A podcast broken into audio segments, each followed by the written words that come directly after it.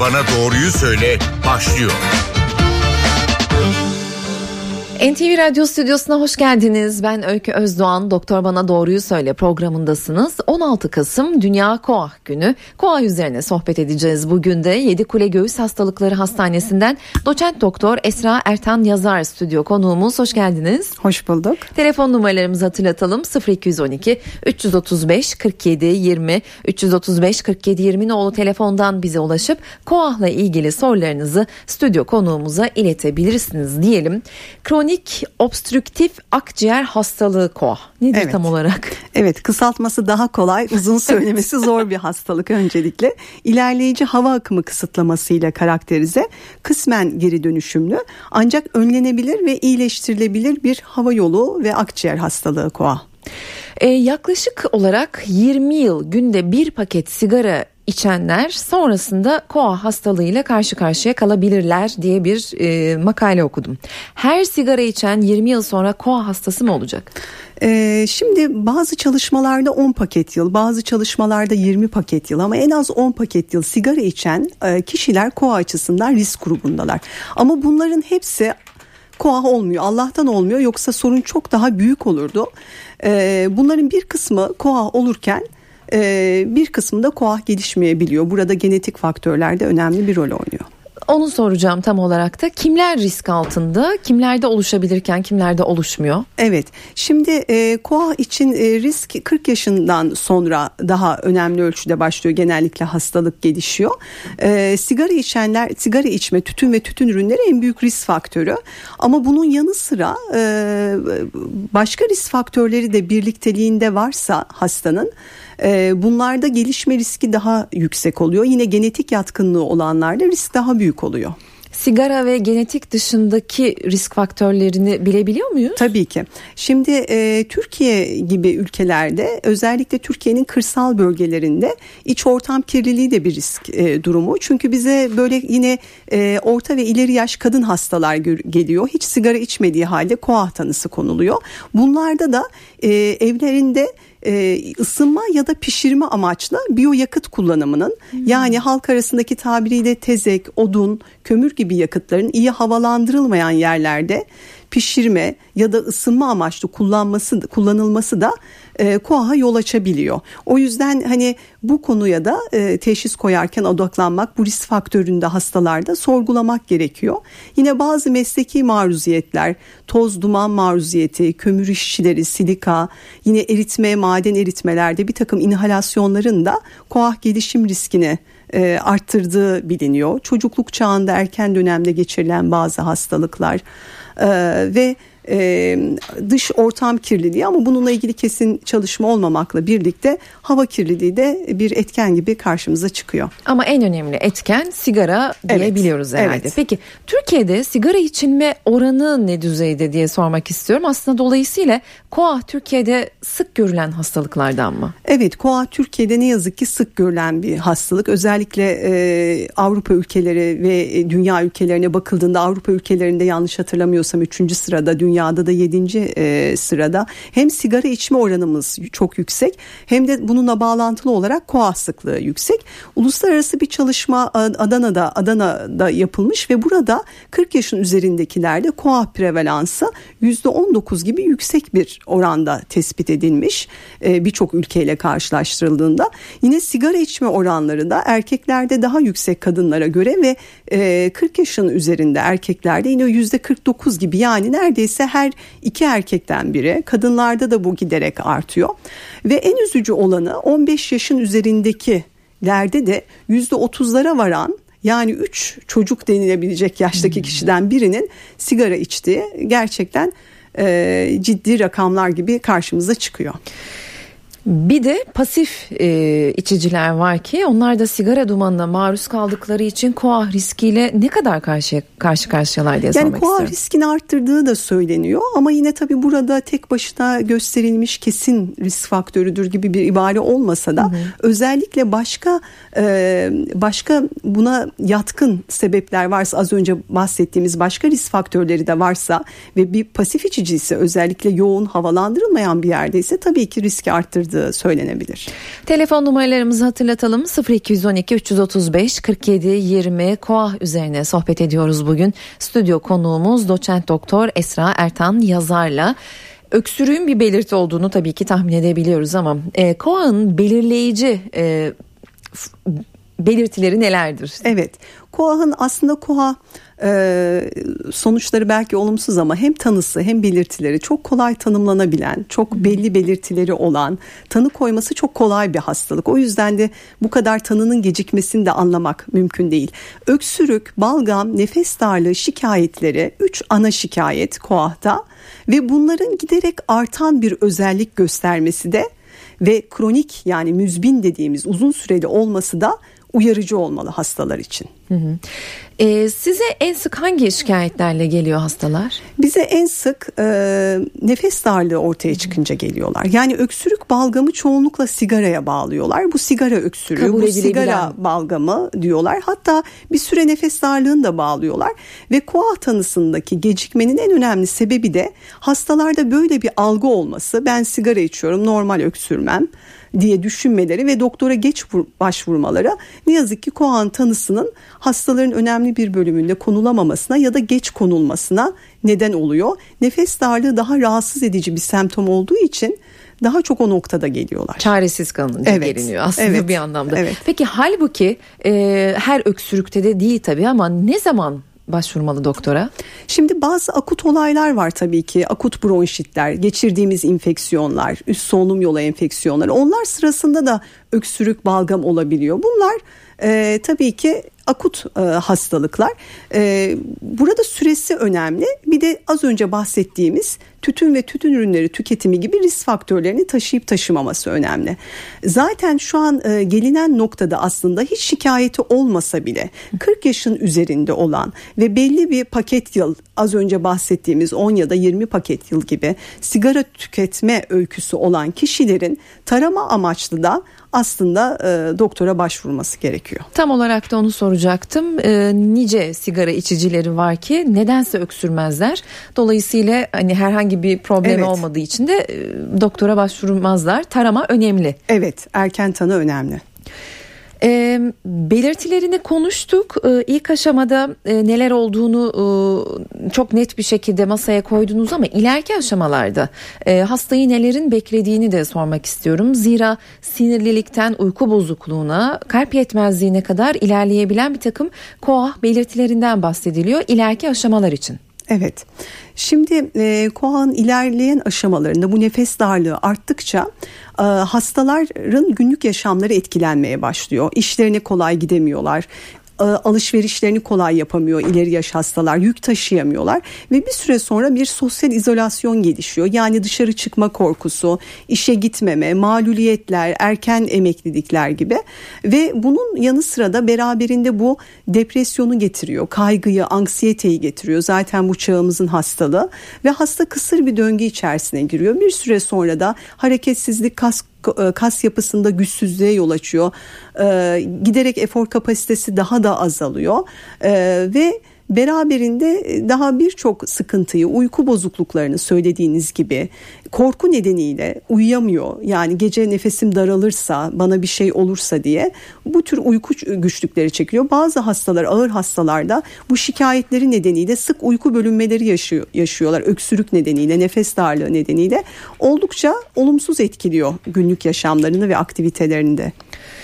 Sigara bırakıldığında koah da gerileme görülüyor mu diye merak ediyordur herhalde içiciler. Evet sigara bırakmak gerçekten yapabileceğimiz en önemli şey. En önemli e, birçok bir ilacın e, birçok önlemin ötesinde en önemli parametre bu gibi görünüyor. E, kapalı yerlerde sigara içme yasağı konuldu. Yine Sağlık Bakanlığı da hava yolu hastalıklarını koruma ve önleme programı geliştirdi. Bunlarla birlikte bunlarla birlikte bunlarla birlikte önlem yani sigara bırakma programları birçok hastanelerde eğitim araştırma hastanelerinde de sigara bırakma poliklinikleri var. E, bununla birlikte hastalığın önüne geçilebileceği, hastalığın durdurulabileceği ya da o az önce söylediğimiz şikayeti olmayan kişilerde hiç hastalık gelişmeden sigara bırakmayla bunun önüne geçilebileceği gösterilmiş. O yüzden bu çok önemli bir konu.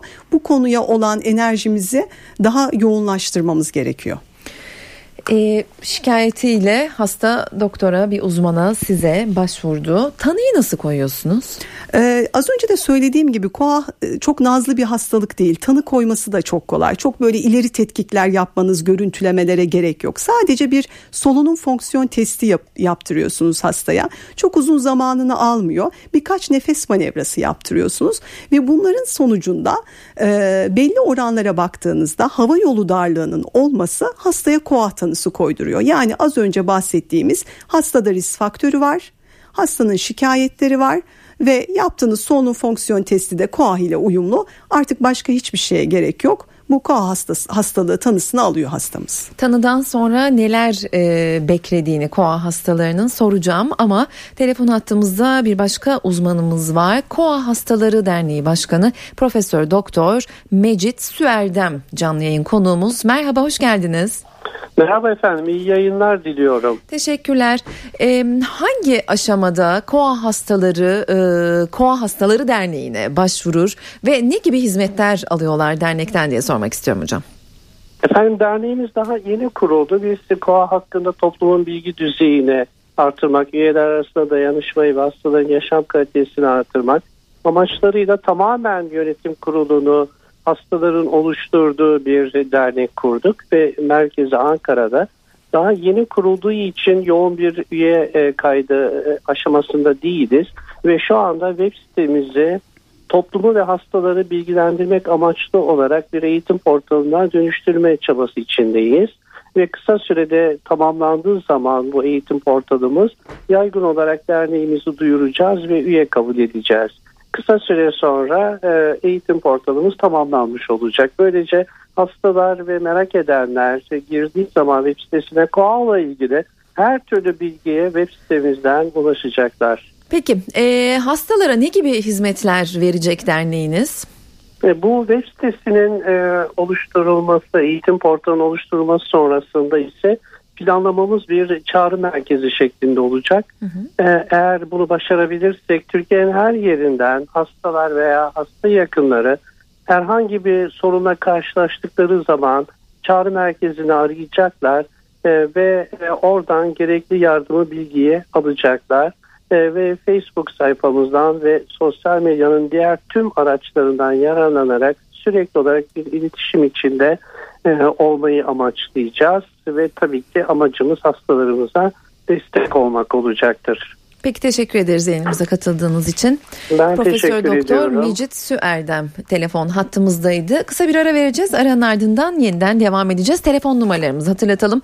0212 335 47 20 KOA üzerine sohbet ediyoruz. Yedikule Göğüs Hastalıkları Hastanesi'nden doçent doktor Esra Ertan yazarla.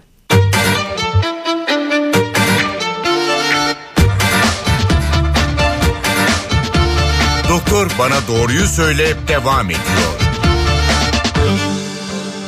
Doktor Bana Doğruyu Söyle programındasınız. Yedikule Göğüs Hastalıkları Hastanesi'nden doçent doktor Esra Ertan Yazar stüdyo konuğumuz bugün. KOA üzerine sohbet ediyoruz. Telefon numaralarımızı hatırlatalım. 0212 335 47 20 dinleyici telefonlarını sorularını almaya başlayacağız. Ve gelelim hocam tedavisine. Tedavisi var mıdır bu hastalığın? Ee, tedavisi e, olan bir hastalık Öncelikle az önce de konuştuğumuz gibi bir kere risk faktörlerini ortadan kaldırarak başlıyoruz. Yani sigara kullanımı varsa sigara, başka maruziyetleri varsa onları ortadan kaldırmamız gerekiyor. Çünkü bunları ortadan kaldırmadan e, yapılan tedaviler biraz kendimizi kandırma gibi oluyor. Hastalara da onu söylüyorum. Onun dışında başka ilaçlarımız var. Hava yollarını genişletici, bronkodilatasyon dediğimiz e, hava yollarını rahatlatıcı etki sağlayan ilaçlarımız var. Bunları kullanıyoruz. Bunlar e, hastanın efor kapasitesini arttırıyor. Günlük yaşam aktivitelerini az önce bahsettiğimiz arttırıyor. Yaşam kalitesini arttırıyor. Ee, ve e, koala hastalarda bizim için çok önemli bir faktör alevlenme diyoruz. Yani hastalığın seyrinde ani bir bozulma, kötüleşme durumu. Bu kullandığımız ilaçlarla bunun da büyük ölçüde önüne geçiyoruz. Böylelikle hastanın hem hastane başvuruları hem hastaneye yatışları hem yoğun bakım ihtiyaçları azalabiliyor. Tedavi olunmaması durumunda nelere yol açabiliyor koa? Şimdi hastanın tedavi takipte olması çok önemli. Tedavi olunmaması, takipte olunmaması durumunda e, daha ilerleyici bir hastalık. Az önce de söylediğim gibi sık kötüleşmeler oluyor. Her kötüleşmede koahlı hastaların zaten kısıtlı olan solunum fonksiyonlarının daha da kötüleşmesine yol açıyor. E, ve böyle bir kısır döngü içerisine giriyor ve birçok hastada bunun son noktasında e, bize geliyor ne yazık ki. Peki dinleyici sorularını yanıtlamaya başlayalım. Merhaba yayındasınız sorunuzu dinliyoruz buyurun. Merhaba iyi günler. Ee, 40 yaşındayım. Ee, 20 yıldır sigara içiyorum. Akşamları uyurken ve efor sarf ederken burnumdan e, ıslık sesine sesler geliyor. Ee, ıslık çalıyormuş gibi sesler geliyor. Bu koa belirtisi acaba? Ee, şimdi e, hava yolu darlığına eşlik eden wheezing dediğimiz bizim tıp dilindeki hırıltı da gerçekten koan semptomlarından biri. Dar olan bir yerden havanın çıkarken akciğerimiz boşaltırken nefes verirken sıklıkla oluyor bu. Ee, çıkan ses hırıltı. Hırıltı da koan semptomlarından biri. Hastalık ilerlediği vakit artık bu hem nefes alırken hem nefes verirken duyulabiliyor e, daha ilerlemiş daha ağır durumlarda. O yüzden hani özellikle hırıltı, nefes darlığı, beraberinde öksürük olan kişilerde yine koa açısından doktora başvurmaları gerekiyor. Peki bir dinleyicimiz daha var. Merhaba yayındasınız. Yayındasınız buyurun lütfen. Hocama çok teşekkür ederim. Çok iyi bir konuya e, konuyu canlandırdınız. NTV ailesi olarak size de teşekkür ediyorum.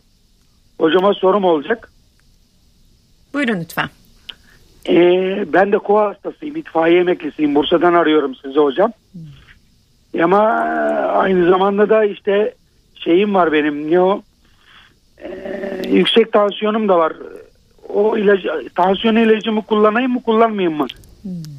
Evet şimdi koa hastalarında e, birçok hastalık da beraberinde olabiliyor. Sağlıklı kişilere göre koahlı hastalara kalp damar hastalıkları da daha sık eşlik ediyor. Bunlarda mutlaka doktorlarının önerdiği şekilde diğer ilaçlarını da tansiyon, kalp yetmezliği, kalp damar hastalığı ne ile ilgiliyse bunları da düzenli bir şekilde kullanmalarını öneriyoruz. Çünkü bu şekilde kullanıldığında hem kendi hastalıkları üzerine hem de koa üzerine olumlu etkileri olduğu gösterilmiş. Dinleyicimiz şu an hatta değil ama itfaiye emeklisiyim dedi. Mesleğinin koa hastalığıyla bir ilintisi olsa gerek. Tabii yangın dumanı o duman maruziyeti de az önce söylediğimiz hmm. e, açık yani mesela kadınlarda o tandır kullanımı da da oluyor. Açık ateş yani direkt bir e, havalandırmanın olmadığı bir yerde.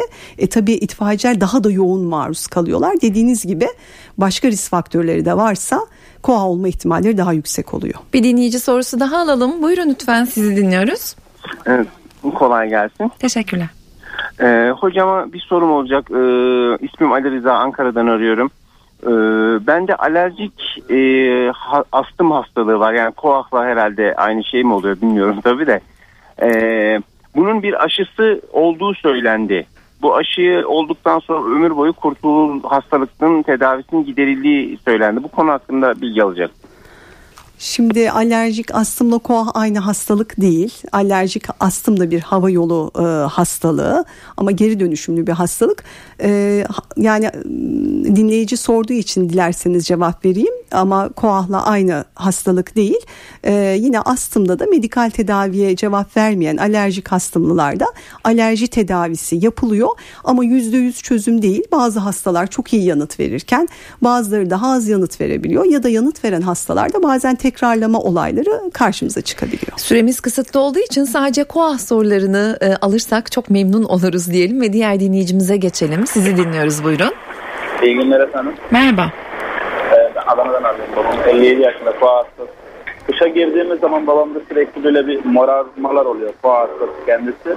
Ve yoğun bakıma giriyor. Yani dördüncü basamak e, basamak e, yoğun bakıma giriyor. Bu kışın etkilediği sebep olabilir mi?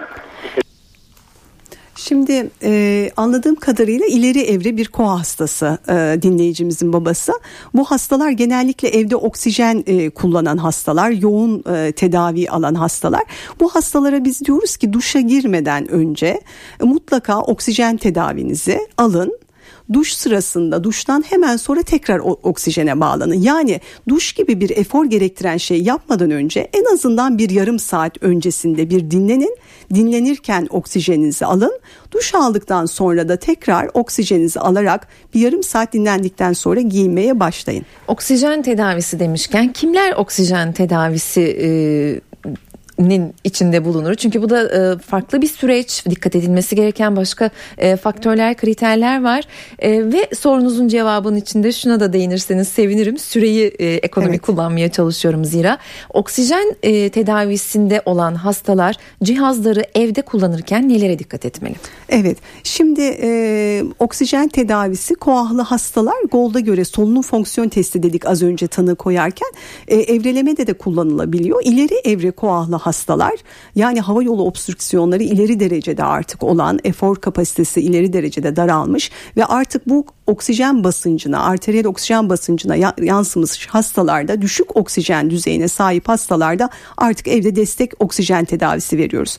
Az önce bahsettiğiniz seyri ne değiştirebilir demiştiniz. Sigarayı bırakmak dışında böyle bir tedavi ihtiyacı olan hastanın düzenli oksijen tedavi alması da hastalığın seyrini değiştirebilir, sağ kalımını artırabilir bir şeydir.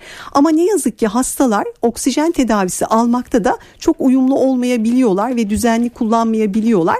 Burada kastımız günlük 16 saatlik oksijen alımı. Özellikle gece uykuda e, oksijen basıncı düştüğü için bu hastalara diyoruz ki gece uyurken dahi nazal bir burun kanülüyle oksijeninizi almaya devam edin. Ve oksijen kullanan hastaların eğer evlerinde jeneratör yoksa bir yedek oksijen tüpü bulundurmaları elektrik kesintilerine karşı. Onun haricinde de yanında yanıcı maddeler e, kullanmamaları bir yangına karşı e, alev almasına yol açabilecek maddeleri kullanmamalarını öneriyoruz.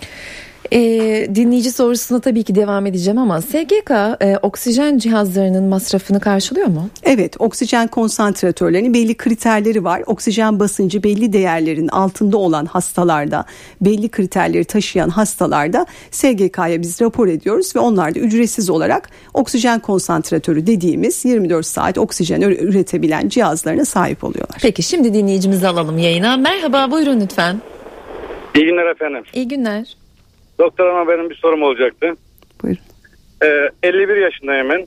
17 yıl sigara içtim. 25 yıldır da sigarayı kullanmıyorum. Acaba içtiğim süreler içerisinde bende bir et şey bırakmış mıdır? Bunu soracaktım. Teşekkür ederim. E, şimdi tabii çok güzel bir şey yapmış. 17 yıl önce sigarayı e, bırakmış. Mesela akciğer kanseri açısından diyorlar ki 15 yıl sonra artık sigara içmeyenlerle neredeyse eşit risk düzeyine düşebiliyor diyorlar. E, KOAH'ta da KOAH riski açısından da sigarayı bırakmak riski çok önemli ölçüde azaltıyor. Ama yine de tamamen rahat olmuyoruz. Yine bu hastada ömrünün bir döneminde 15 17 e, 10 paket yılın üzerinde sigara kullanımı olmuş. Yine bu hastada da az önce bahsettiğimiz şikayetler ortaya çıktığı vakit doktora mutlaka başvurmalı. Ama sigara bırakarak kendi için yapabileceği en güzel şeyi yapmış zaten. Beslenmede neye dikkat etmeli koa hastaları? E, koa hastaları e, beslenmeleri oldukça önemli ve son yıllarda da önem kazanmakta. Özellikle her gün en azından bir porsiyon bir sebze tüketimi, bir porsiyon meyve tüketimi içinde içerdiği antioksidanlar nedeniyle e, işlenmiş etleri çok fazla tüketmemeleri, sucuk, sosis, salam gibi e, işlenmiş gıdaları çok fazla tüketmemeleri, öğünlerinde proteine, yağ, karbonhidrata dengeli düzeyde yer verme, yer vermeleri, çok şekerli şıralı şeyler yememeleri özellikle ileri evre yemek güçlüğü yaşayan koa hastalarının da azar azar sık beslenmeleri kalori yoğun içerikli şeyleri 5 öğün 6 öğüne bölerek daha sık e, beslenmelerini öneriyoruz. Çok teşekkürler. Ben teşekkür ederim. için. Yedikule Göğüs Hastalıkları Hastanesi'nden doçent doktor Esra Ertan Yazar stüdyo konuğumuzdu.